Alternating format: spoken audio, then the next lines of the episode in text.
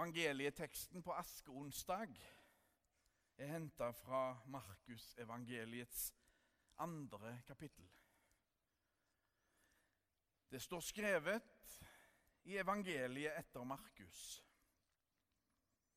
Fariseerne og disiplene til Johannes holdt faste. Og det kom noen til Jesus og spurte både disiplene til Johannes og fariseernes disipler faster.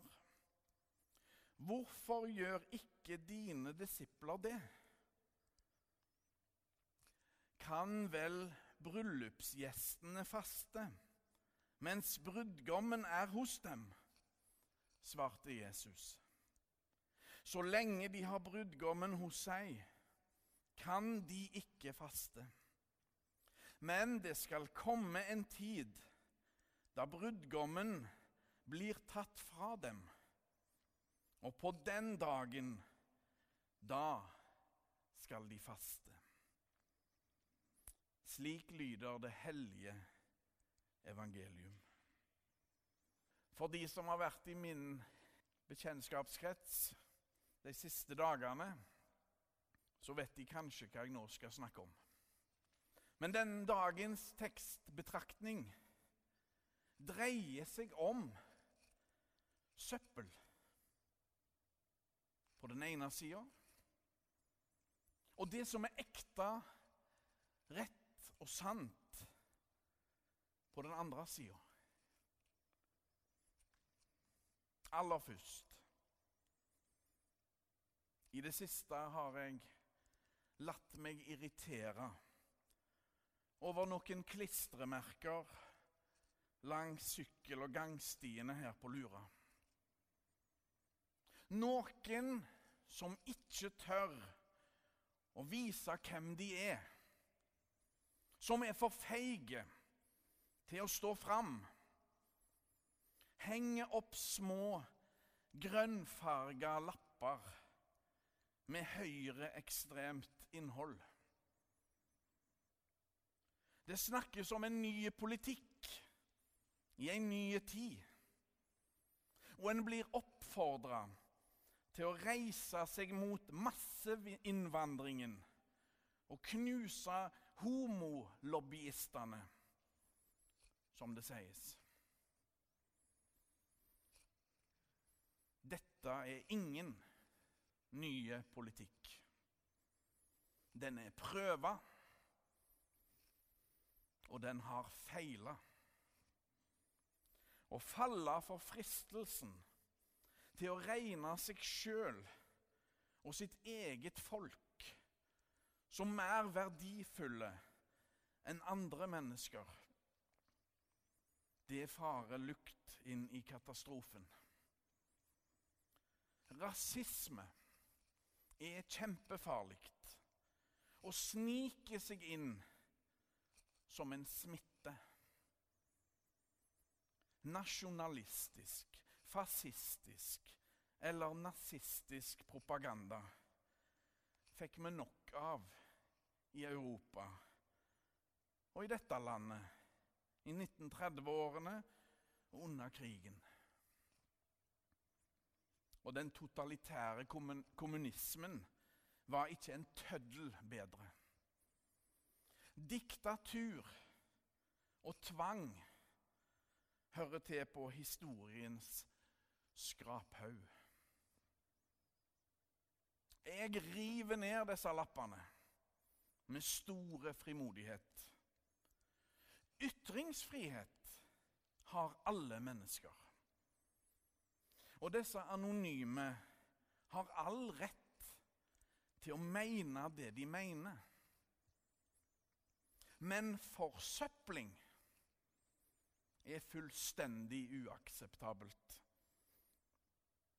Og søppel er og blir søppel, og om det klistres på stolper og skilt rundt omkring.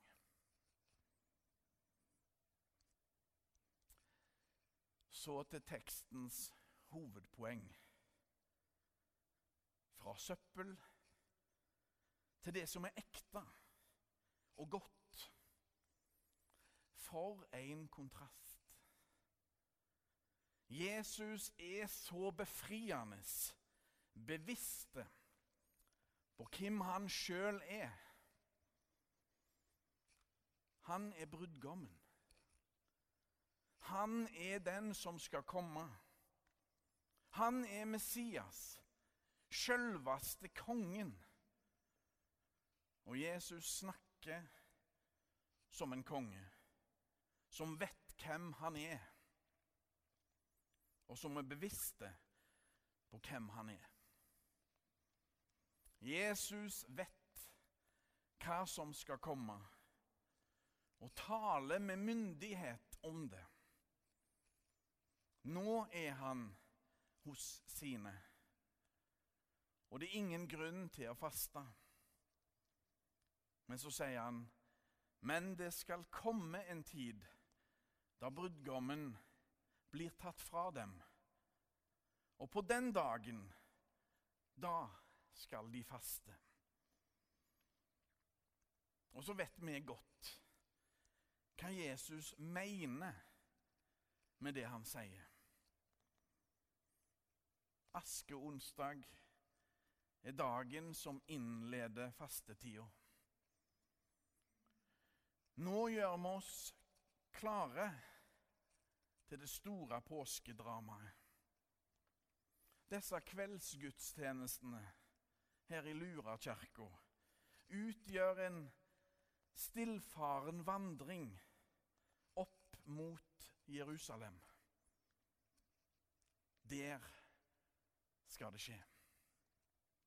Det store oppgjøret. Gud tar med alt som heter ondskap og dødskrefter. I Jesus skal kjærligheten seire og triumfere. Jeg har bestemt meg for at mitt faste prosjekt skal være å plukke søppel langs veien. Ha en pose i lommen og ta det som jeg ser. Men vi kristne er ikke en tøddel bedre enn noen andre. Også vi er syndere. Også vi har grums i våre liv. Også vi har søppel vi trenger å håndtere. Også vi trenger hjelp. Redning fra oss sjøl og vår feighet.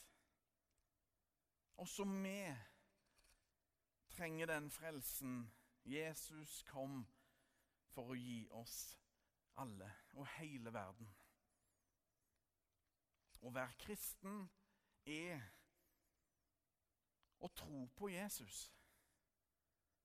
Han som var, er og blir en ekte konge. Han ble gjort til søppel. Fornedra. Hengt opp som en forbryter. Men en konge er og blir en konge uansett. Som et mysterium. Gjennom nederlaget og katastrofen Jesus gjennomlevde, ble Gud herliggjort og opphøyd, løfta opp bokstavelig talt på korstreet.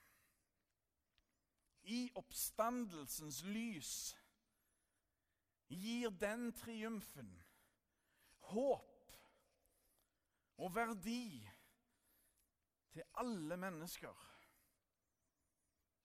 Absolutt alle.